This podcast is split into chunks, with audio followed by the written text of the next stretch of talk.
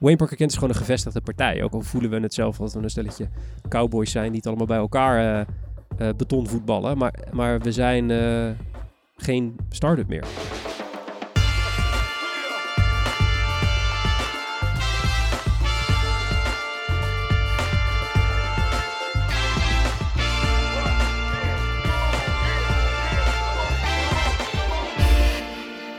Goedemorgen, goedemiddag, goedenavond of wanneer je dit ook luistert. Welkom bij de Brief, podcast over content, marketing en media. En vandaag hebben we een uh, iets wat bijzondere aflevering, namelijk de laatste aflevering met grote vriend Mark Schoones. Hallo. Hi. Gek, ik zit letterlijk op jouw stoel. Ja, gek hè? Ja. Deze kant is wel uh, fijner om te zitten. Hoezo? We hebben een beter beeld van heel de studio op een of andere manier. Omdat je niet tegen die... Ja, dat zien de mensen thuis natuurlijk helemaal niet. Maar je, je zit niet tegen die gordijnen aan te staren. Heeft dus dat je gestoord al die, al die jaren? Daar kom ik nou pas achter, maar het is te laat hè? Ja, ja, het is te laat. Ja, ja, dus dat wordt het thema van vandaag. Dus we gaan het zo meteen uh, uitgebreid over jou hebben. Maar iedereen thuis denkt nu natuurlijk van... Mark weg, wat de fuck gaat er gebeuren? Alleen die saaie gast nog die een beetje zit te mormelen in die microfoon. Nou. Nee, natuurlijk niet. Want we hebben een nieuw gezicht, wou ik zeggen. Maar ja, gezicht is het ook. Maar het is voornamelijk een stem in dit geval.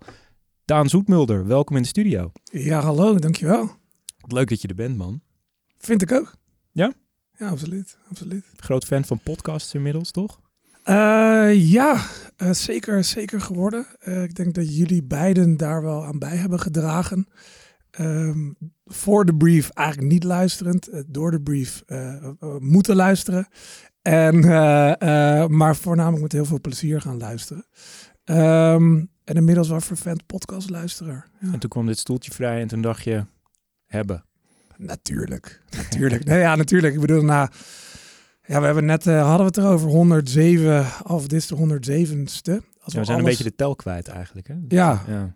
Maar als we alles bij elkaar zouden optellen, uh, en ik heb er, ja, ik denk wel bijna 107 van jullie geluisterd.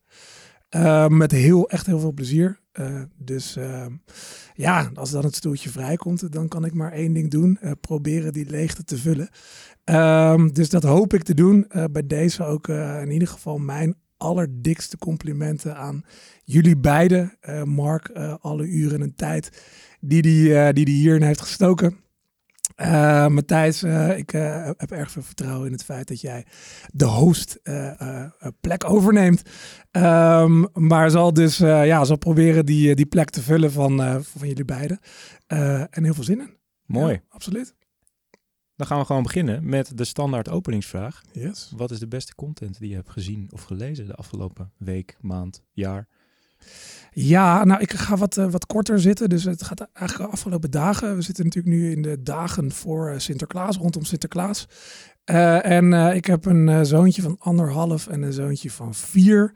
En die uh, zitten natuurlijk met smart te wachten tot uh, Sinterklaas komt en het uh, grote festijn gaat, gaat gebeuren. En, um, um, en zij, en bol.com heeft een, het grote speelgoedboek, wat ze jaarlijks uitbrengen. En ik moet zeggen, ik ben onder de indruk van welke vette innovaties zij allemaal hebben staan in en rondom het boek. Dat wordt ook gewoon nog ongevraagd door de bus gedouwd, zeg maar. ja, je kan het bij de Albert Heijn halen. Dus we hadden er eentje en uh, toen uh, was die uh, weg, of in ieder geval kapot gemaakt door de jongste. En toen heb ik mijn vriendin gevraagd, haal nog zo'n boek. En dat had ze gedaan. En, en waarom? Omdat ik, ehm, wat ik dus heel vet vond, je kan dus sowieso, hebben ze dus ook een app, een aparte app gemaakt. de bol, bol.com speelgoed app. En uh, daarmee kan je dus eigenlijk uh, al het speelgoed kan je scannen. En, en dan verschijnen ze allemaal in je beeld. Kan je direct naar de webshop. Ik weet niet of de kinderen dat zelf echt moeten gaan doen. Maar ik vond het wel een tof, tof mechanisme. Maar het leukste erin vond ik, is het magische luisterverhaal. Dat zit op de ene laatste pagina van het boek. En dan hebben ze in acht verhalen. moet je dus ja, een wortel of een schoen of whatever er staat. Moet je scannen met de app. En vervolgens kom je in een 8D uh, luisterverhaal. Dus je, moet, uh, je zet je kindje neer, oordopjes in. En uh, vervolgens krijgen ze het hele verhaal in 8D naar, zich, naar zich toe. Kun jij even twee uur wat voor jezelf doen? Nou ja, eh, ja ik heb eh, serieus zelfs met mijn- drukste van anderhalf heb ik gewoon zowaar even een heel verhaaltje laten luisteren. Maar ik vind zo tof dat het gewoon, het is allemaal niet branded. En ze werken met de echte Sinterklaas, wat ik best wel tof vind. Ehm, en die verhalen zijn best wel, die werken best wel leuk. Ehm, en ze luisteren en ze vinden het, en ze vinden het tof. Dus ik vond het wel, ja, dit vond ik echt wel eh, goede, goede content en eigenlijk goede content marketing. Ehm, en natuurlijk ook als je kijkt gewoon naar waar ik, bedoel, ik uit mijn jeugd ken het Intertoys boek eh, van voor tot achter Ja. eh, vroeger. En eh, ja, die hebben daar wel een gat, heel groot gat laten vallen. Eh, en daar is eh, bol.com springt daar eigenlijk al jaren al goed op in. En nu helemaal met eigenlijk de toffe dingetjes die erin zitten, vind ik, vind ik gaaf. Ik vraag me wel af eh, of iedereen in Nederland dan de app downloadt en eh, hoe dat dan, eh, hoe dat dan Heeft werkt. Sinterklaas allemaal niet nodig. Hè? Nee, dat is die, waar. die weet het allemaal. Dat is waar. Ja, en het feit dat je apart een app moet downloaden, eh, is ook wel weer een bruggetje, denk ik, voor eh, mensen misschien te ver. Eh, maar het werkt. Ja, ik vond het wel tof. Mooi. Ik vond het wel tof. Ik ben benieuwd wat echt de penetratie is van eh, onder eh, ouders. Laten we het zo, laten we het Ja. zo stellen. Klinkt goed. Heb jij hem gecheckt, Mark? Nee. Onze kinderen zijn net jong genoeg om daar nog onder vandaan te komen. Ja, eh, eh, mijn eh, zoontje had uh, gisteren kwam Sinterklaas langs op de kinderopvang.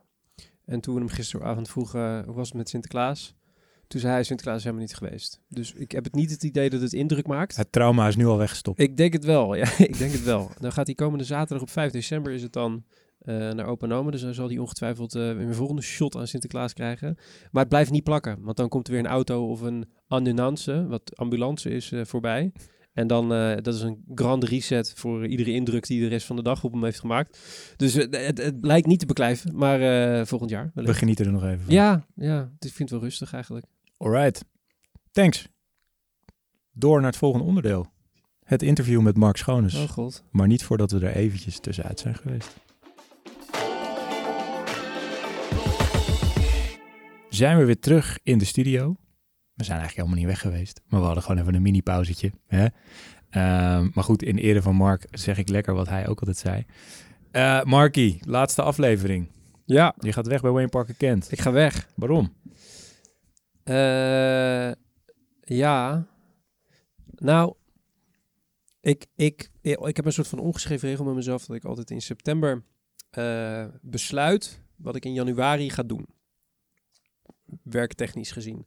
Want op een of andere reden, dat is heel overzichtelijk, want hoef ik maar op één maand van het jaar me zorgen te maken over waar ik mee bezig ben. Je gaat niet verzanden in een of andere productiviteitsrand. Nee, nu, zou ik niet, zou ik beloven. Zou ik niet, uh, als het woord to-do is, gaat niet voorkomen in deze rant, behalve dan dat ik het net heb genoemd.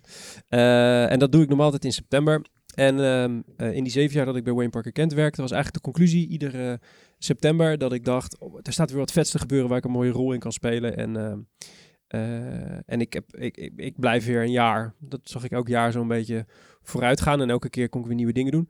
En dit jaar was eigenlijk het eerste dat ik um, in juni een soort van, het voelde kriebelen. En corona heeft het een beetje, met dat het thuiswerken, een beetje doen versnellen, denk ik. Maar ik voelde ergens dat ik uh, iets, iets nieuws wilde doen. Um, en, en dat nieuws, dat zit hem dan met name in, in het feit dat ik um, heel graag wilde gaan ondernemen. Dat wilde ik al een hele lange tijd. Alleen, uh, ja, Wayne Parker Kent heeft het dusdanig iets magisch dat ik uh, dit tentje aan, ja, dat ging aanvoelen als, alsof ik aan het ondernemen was. Zoveel vrijheid krijgen we hier en zoveel uh, vrijheid heb ik altijd genoten. Dus ik vond eigenlijk altijd die, dat gevoel vond ik hier altijd een beetje. Alleen dit jaar dacht ik, fuck, alles lijkt zo onzeker door die crisis en die dingen. En mijn kind wordt steeds ouder en straks komt er school bij. En op een gegeven moment, ik had een moment in juni waarop ik dacht, als ik het nu niet doe, ga ik het niet meer doen. Want ik heb het veel te leuk op mijn werk. Dus het wordt alleen maar leuker en het wordt alleen maar comfortabeler. Dus ik ga nooit meer een moment vinden. En toen dacht ik, nou, als ik hier zo mee bezig ben, dan is nu het moment om gewoon tegen Daan te zeggen, die nu ook hier aan tafel zit, onze baas, zo mogen we hem wel noemen, uh, om te zeggen, het is, uh, het is misschien wel goed geweest. Um, en sindsdien zijn we gaan werken naar mijn uh, vertrek. Dus het is een, een vertrek met enige weemoed, omdat ik niet vertrek omdat het niet meer werkt of omdat ik het niet meer leuk vind, maar meer omdat ik voel dat het te leuk is, te comfortabel, omdat ik geloof dat als je weer een stap wil ontzetten in je ontwikkeling, dat je een beetje het ongemak moet opzoeken. Mm -hmm. En toen dacht ik, nou ga ik gewoon in een jaar waarin eh, Ik alles, flikker alles overboord. alles onzeker En, eh, lijkt. een huis kopen en mijn baan opzeggen en op meteen en gaan met die banaan. Ja. Nou, aan die gedachte heb ik nu zes maanden kunnen wennen. En het is nog steeds een beetje ongemakkelijk. Maar ja, het is de december. mhm. En mijn contract houdt op 1 januari op. Dus, eh, dus dat eigenlijk. Wat ga je doen? Weet je het al? Ik eh, begin eh, samen met mijn beste vriendje Ashwin begin ik een, eh, een eigen bureautje. Ehm, en waar mijn persoonlijke interesse heel erg ligt, is ehm, eh, service design en product development. Wij doen bij Wayne Parker Kent heel veel content, maar ik merk gewoon aan mezelf dat ik dat heel interessant vind. Dus we, we beginnen een bureau wat merken daarbij helpt, wat eigenlijk op het niveau van product en propositie merken helpt. Dat Tof. is, eh, dat is het verhaal eigenlijk. Mooi. Tof. En als we nog eh, wat, wat verder teruggaan dan, eh, dan nu en Oh, juni God. dat je de, de beslissing, eh, of in ieder geval de, de mededeling deed. eh, kan je ons meenemen in, in hoe je ooit bij Wayne Parker Kent terecht bent gekomen? Eh, dat kan ik. Leuk. Blijft, blijft ongemakkelijk om ineens in- geïnterviewd te zijn in deze show. Ja, Eh, maar laten we het niet de meta... Vinden wij ook meta- ongemakkelijk. Ja, Dus, weet ik. nou, hou even vol. Ehm, ik, ik, ben, ik ben eigenlijk journalist van huis uit.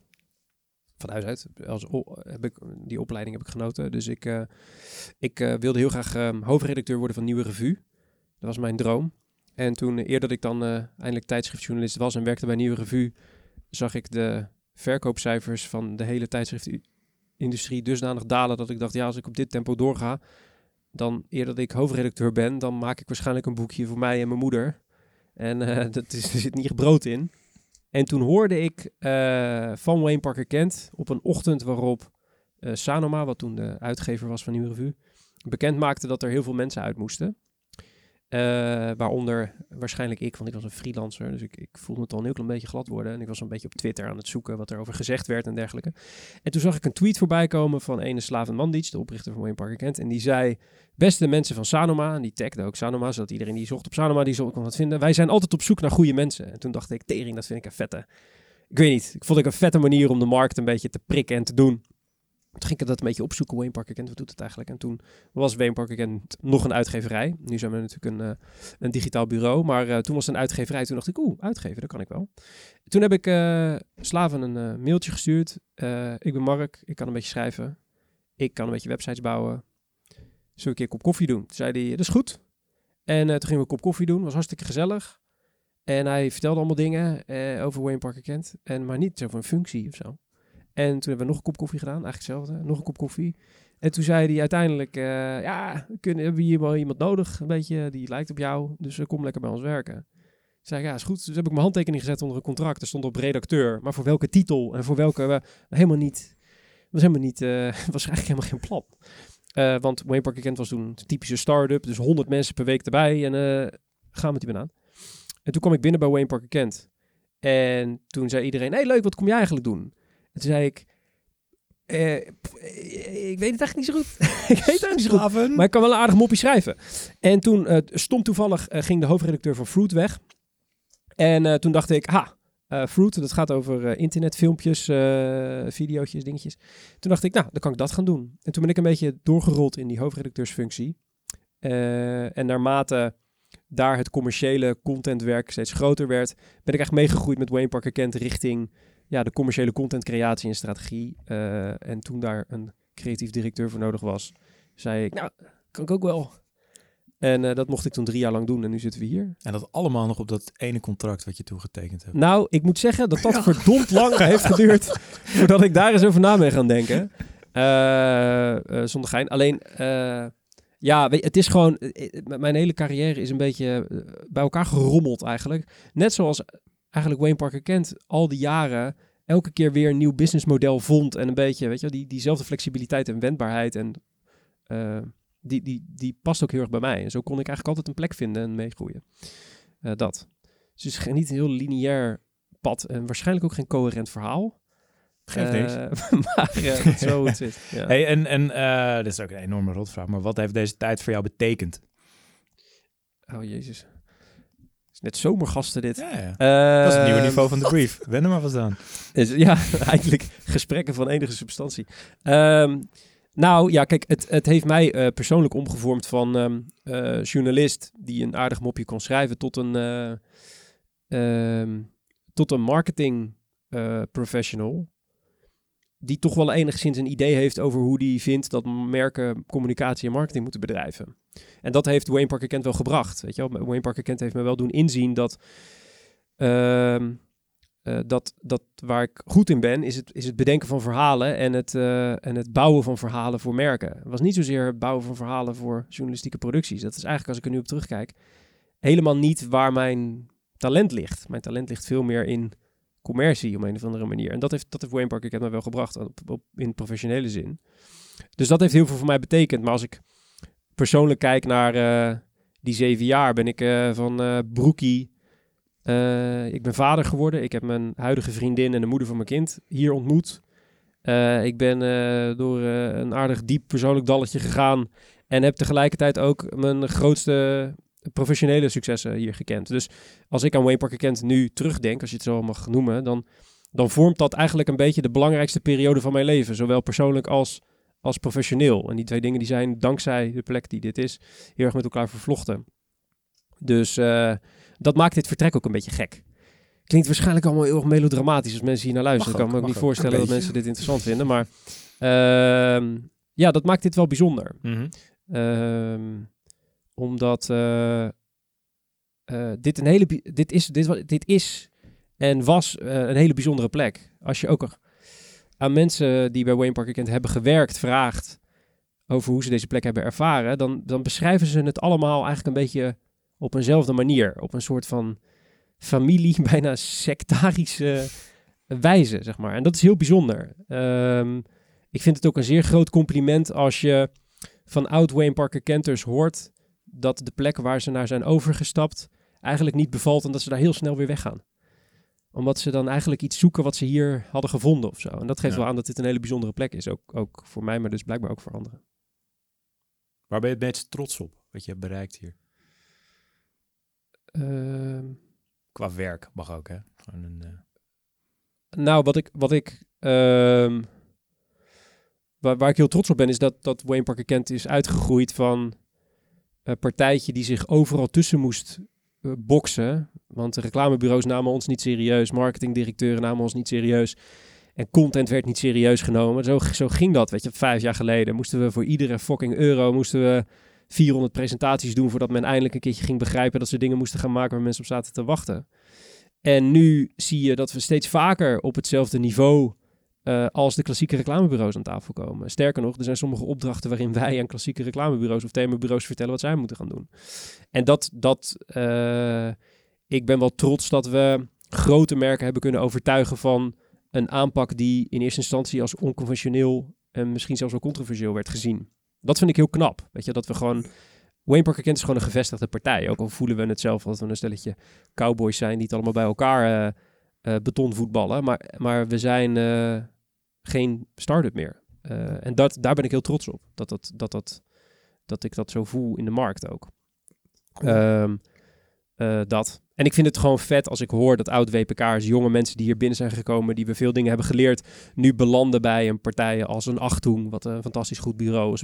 Die gewoon bij bureaus binnenkomen en dat wij horen dat ze tijdens sollicitatieprocedures en dergelijke gewoon, dat, dat mensen onder de indruk zijn van toch wel wat, wat ik voel als onze mensen, snap je? Eh, die toch uit de Wayne Parker Kent school komen. Dat die, dat die indruk maken bij partijen waar ik dan weer een hele hoge pet van op heb. Dat vind ik vet. Ja. Cool, cool. En je zei het net al een beetje, eh, de, de professionele successen en eh, het werk wat je, wat je maakt of wat, je, wat de teams hebben gemaakt.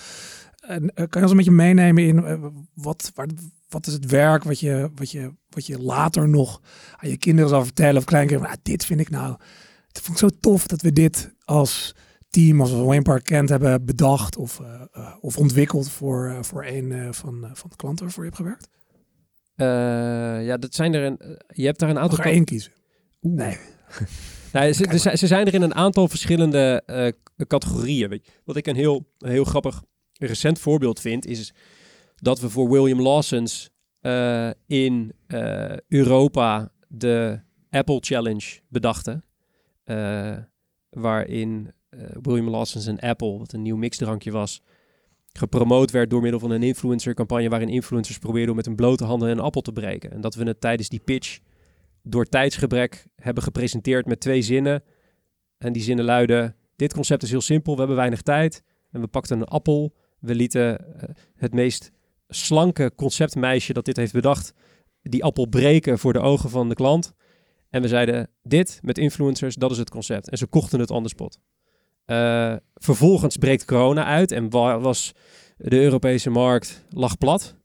En horen wij via via dat in, ik meen, Congo, Congo, ja. in Congo eh, deze campagne is doorgewaaid en dat dat een sl- doorslaand succes is. Dat vind ik een heel vet verhaal. Dat we met zo'n idee dat binnen twee zinnen verkocht was, in Afrika te zien zijn met een campagne. Dat vind ik vet. Dat is gewoon een tof, tof verhaal. Dus dat is iets wat me bijstaat.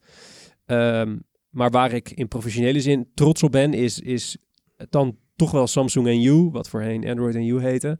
Wat ooit begon als een pitch voor een klassieke merkcampagne. Maak een video waarin je Android promoot. Een opdracht van Samsung.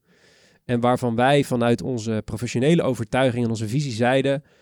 maak nou geen commercial. Maak how-to content. Maak content waar mensen op zitten te wachten. Maak content waar mensen wat aan hebben. Ga dat maken. Dat gaat 100% succes geven. We hebben letterlijk gezegd tegen de klant... geef ons hetzelfde geld, je krijgt 50 keer zoveel video's. En dat is gewoon een project van vier jaar lang. Want het werkt. Ja, dat vind ik vet. Weet je, omdat we daar... We namen daar een enorm risico. Misschien zeg ik allemaal dingen die heel erg onder NDA en dingetjes zijn. Maar eh, fuck it. Valt Tot weg. Eh, knippen we eruit. En nee, we, nemen, we namen een eh, opzettelijk een enorm risico bij een nieuwe klant Samsung. Waarvoor, denk ik, ieder ander bureau alles had gemaakt van wat ze wilden. Maar wij, wij geloofden erin dat het op een andere manier moest. En dat werkte. En de klant is nog steeds bij ons. Dus een, een van onze meest gewaardeerde klanten. Ehm, ik denk dat dat me het meest bijstaat. Dat we als Wayne Parker Kent altijd, soms tot op koppig niveau, want we hebben er ook pitches door verloren, maar gewoon geloven in wat we maken. Zonder compromissen. Eh, en dat, dat, daar plukken we steeds vaker de vruchten van. Dat, dat, dat, dat vind ik mooi. Dat is geen antwoord op je vraag, maar Ah, ja, beetje. meer, meerdere antwoorden op Meer- vraag. ja, daar ben je wel van me gewend. Maar de, de Apple Challenges. Het Ja. breken van appels. Het breken van appels. Breken van appels. Zolang men dat Kan je het nu? Ik kan het dus niet, als, als een van de weinigen. Ik kreeg echt blauwe duimen. En dan eh, deed Charlene, eh, de, de concepten die dit bedacht heeft, die deed het weer voor. En Charlene is echt eh, is een hartstikke leuke meid. Maar als je een wedstrijdje eh, eh, op een weegschaal doet, dan wint ze hem niet, zeg maar. Dus dat is een super tenger meisje waarvan je niet verwacht dat ze een appel kan breken. Maar die deed gewoon achter elkaar, brak ze die appels. En ik stond dit, met dit toch wel tot op de pezen afgetrainde Mm. lijf eh, eh, mijn best te doen. Toch wel handig die podcast dan. Ja, ja, ik Ja, heb een enorm radiohoofd, Ja, zoals je weet. Ja. Nee, en, ja. en lichaam. Wat ga je het minste missen? Eh, de meetings. Microsoft, Microsoft, liefde ook gewoon. Eh, ja, die kwam, die die lag echt op het puntje van mijn lippen. Nee, kijk, wat, wat ik niet eh, besefte toen ik... eh, het is altijd heel gek dat je een bepaald beeld van een functie hebt van tevoren. En dat je dan, als je in zo'n functie zit, merkt dat er bepaalde aspecten zitten aan die functie die niet bij je passen of zo.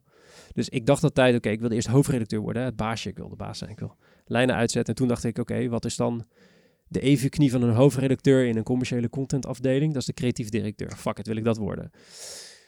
En naarmate het bedrijf groter werd, betekende de rol van CD steeds vaker dat ik niet werk maakte, maar dat ik werk beoordeelde of praatte over werk of zorgde dat processen rondom werk gestroomlijnd werden. En dat praten over werk in plaats van het zelf doen, dat ging ik steeds vaker missen.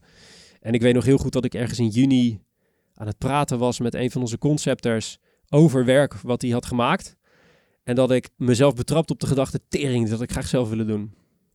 En toen dacht ik, dit is iets, eh, iets mis. Dus het, het, het, wat automatisch hoort bij een groter bureau, namelijk communicatie en, en overlegstructuur en dat soort dingen, daar, dat, daar zal ik niet eh, met de heimwee op terugdenken. Hey, eh, ja, makkelijk vervolgvraag. Wat ga je het meeste missen? Jullie man, en dit. Ik heb stiekem ergens de angst dat ik eh, in dezelfde val ga stappen als oud-WPK'ers eh, voor mij. Die weggaan en die eigenlijk na een half jaar zeggen, eh, fuck. Maar jij kan dan niemand de schuld geven. Dat is dan weer... een- Ik kan niemand de schuld geven, dat zou ik ook echt niet doen. En we hebben nu deze show als bewijs. Dus is toch nog ergens goed voor. Nee, maar ik ga de mensen missen. Ik ga de mensen missen en eh, ehm, dat. Dat, weet je wel, want het is een fucking bijzondere plek.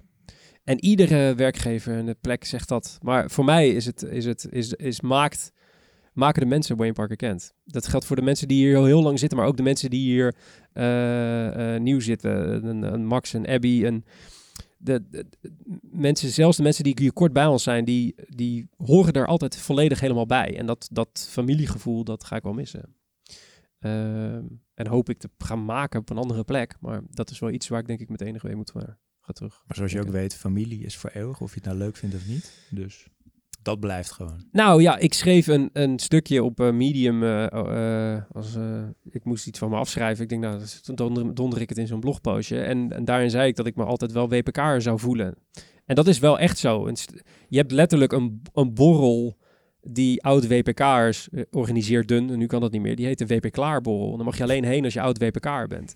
Best wel een populair borreltje, zoals ik het heb begrepen. Dat zegt een hoop. Er zijn weinig, weinig bedrijven bij waar dat ontstaat, denk ik. Mensen die dus na een dienstverband nog zich nog steeds verbonden voelen met blijkbaar een cultuurtje wat er toen is geschept. Ja. Ehm, dat.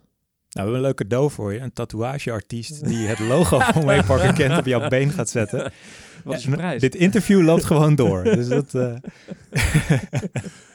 was een grapje. Ah, jammer. Was wel een leuk idee geweest. Ja, dat was een goed, idee. Had je het gedaan? Nee. Nee, dacht ik al. Hey, je zei net ook al de podcast. Daar, kunnen we, daar moeten we het natuurlijk ook over hebben. Ja. De brief. Ehm, ik heb even gekeken. 18 november 2016 dropten we de eerste aflevering. Ja. Vertel, hoe ging dat? Wat ging er dan vooraf? Oh, nee, ik heb die laatst nog terug zitten luisteren. Dat was echt verschrikkelijk. Dat was echt verschrikkelijk. Het was in een, nu zitten we in een hele mooie studio, maar dat was in een jassenhok. eh, waar overdag dan de jassen hingen en s'avonds ging daar een tafel in en hele slechte klote microfoons. En dan gingen we dan zitten. Een paar en, muizen. en, een paar en heel veel muizen, want het was op de Amsterdamse Herengracht naast de burgemeester.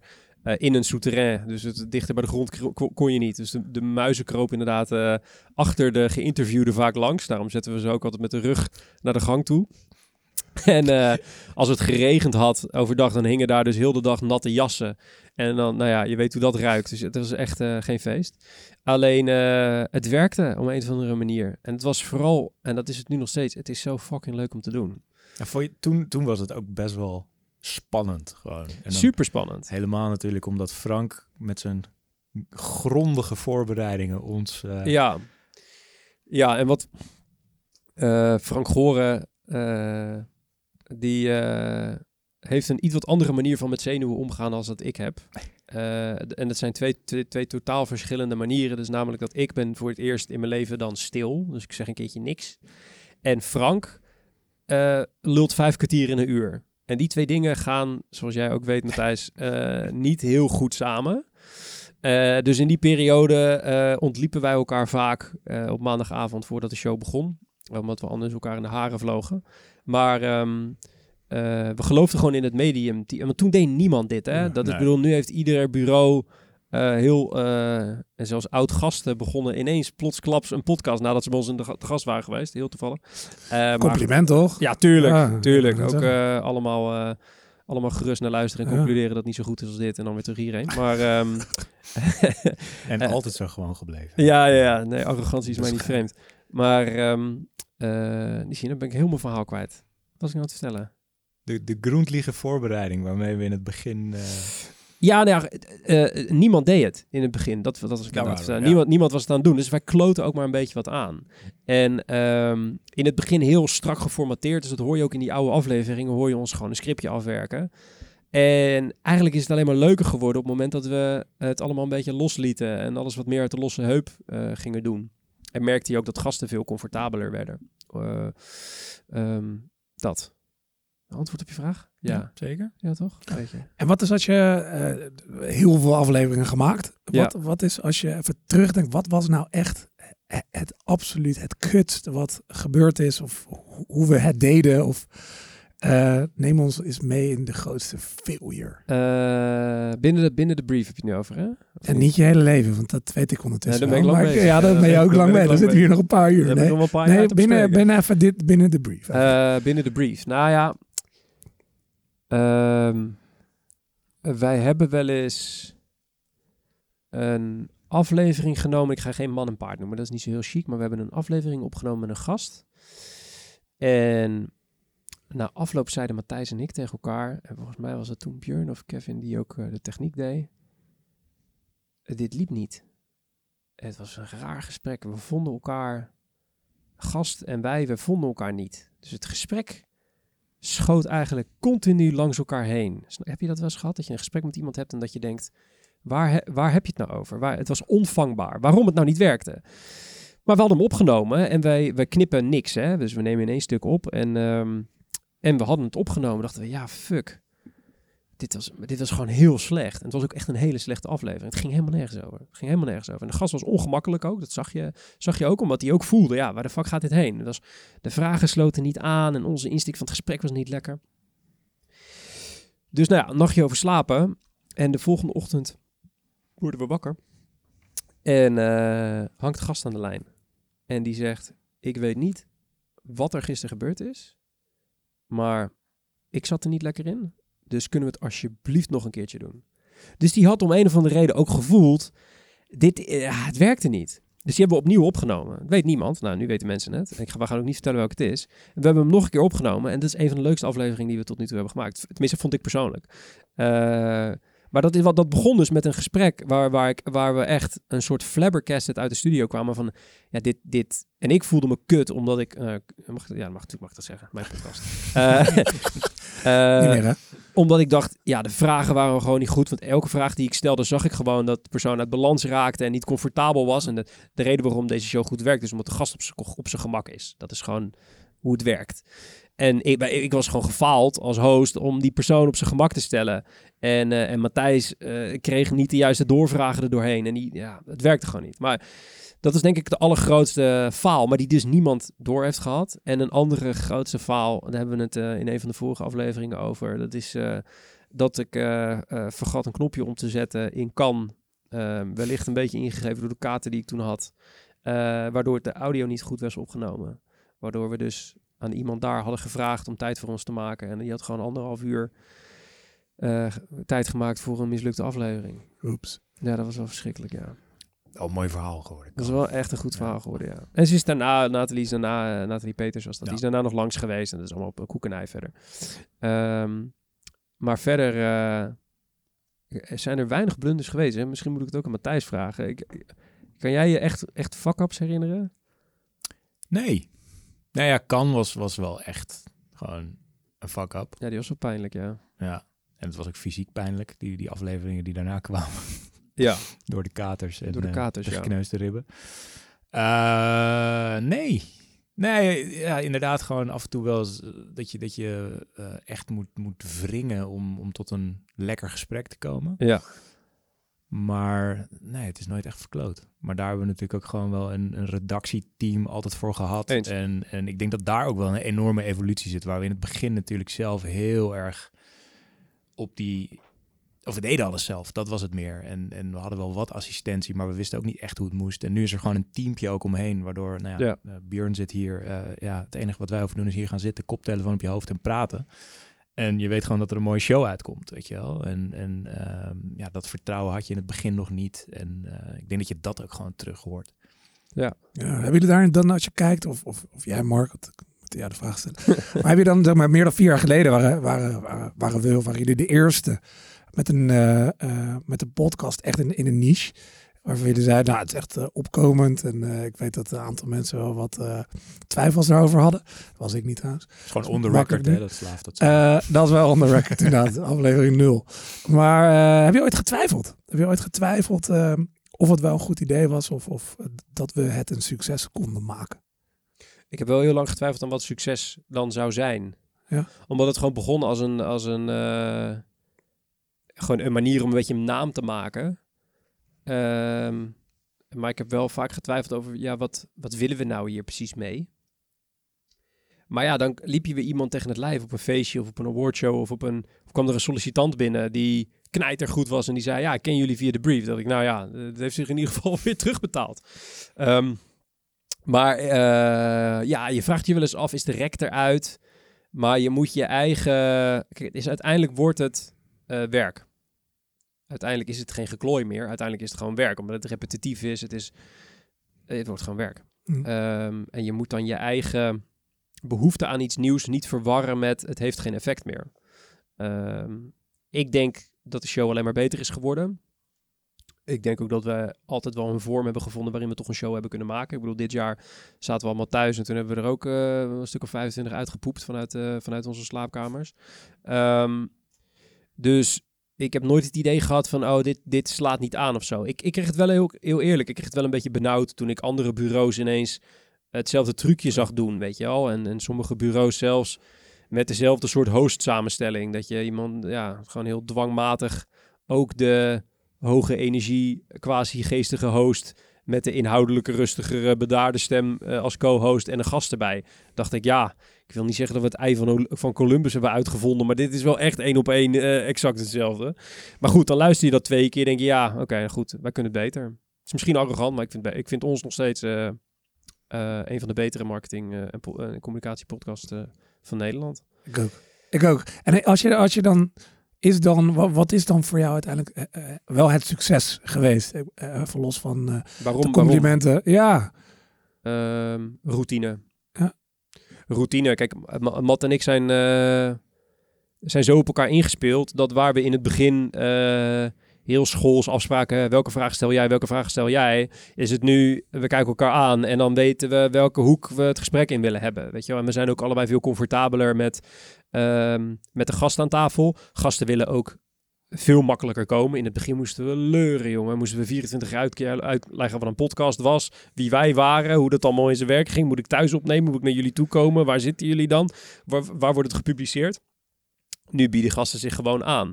Uh, ja, dat draagt natuurlijk allemaal wel bij aan het, aan het uh, succes. Het feit dat als we Alexander uh, Clupping vragen of die wil komen, hij zegt meteen ja en hij blijkt ook nog te luisteren. Ja, dat, is, dat, dat helpt wel. Dat zegt wel iets over het succes. Ik denk dat het te maken heeft met, ja, met gewoon de routine die, ja. we, die we hebben. Was daar van tevoren dat, je, dat jullie ook bedachten van dit willen we ermee bereiken?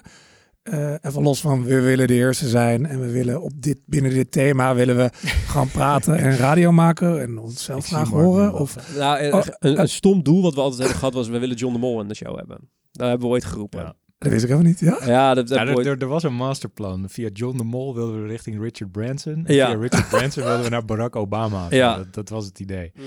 Bescheiden. Het bestaat nog steeds. Het is nog steeds uh, ja, inwording. Ja, en ik denk serieus dat het niet zo heel onrealistisch is dat je dat voor elkaar krijgt hoor. Uh, nee, er was geen masterplan. En ik denk dat dat ook wel. Dat is ook de kracht, weet je wel. Dat het gewoon. Ik hoop dat de show nog steeds luistert alsof er drie mensen uit het werkveld gewoon in een kroeg staan te praten over, over het werk.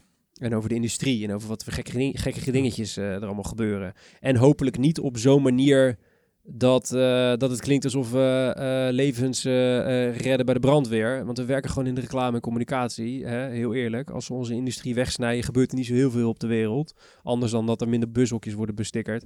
En het wat rustiger is op het web.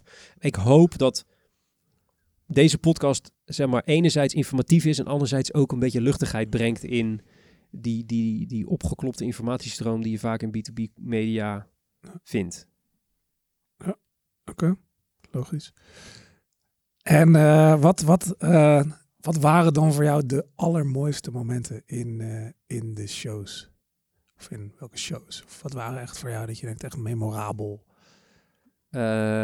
het feit dat Boris van de Next Web zijn voorliefde over rookmachines deelde met ons. Waarop wij gekscherend zeiden, nou we hebben een Halloween feestje volgende week. Dus je mag komen, dan moet je wel een rookmachine meenemen.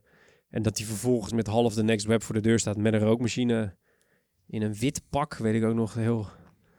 Dat vond ik vet. Dat blijf ik onthouden. Uh, en ook echt een waanzinnig goede aflevering. En een waanzinnig goede aflevering, omdat dat... Ja, we werden gewoon een beetje tijdens het gesprek een beetje verliefd op die man. En uh, dat is ook wel een beetje te horen.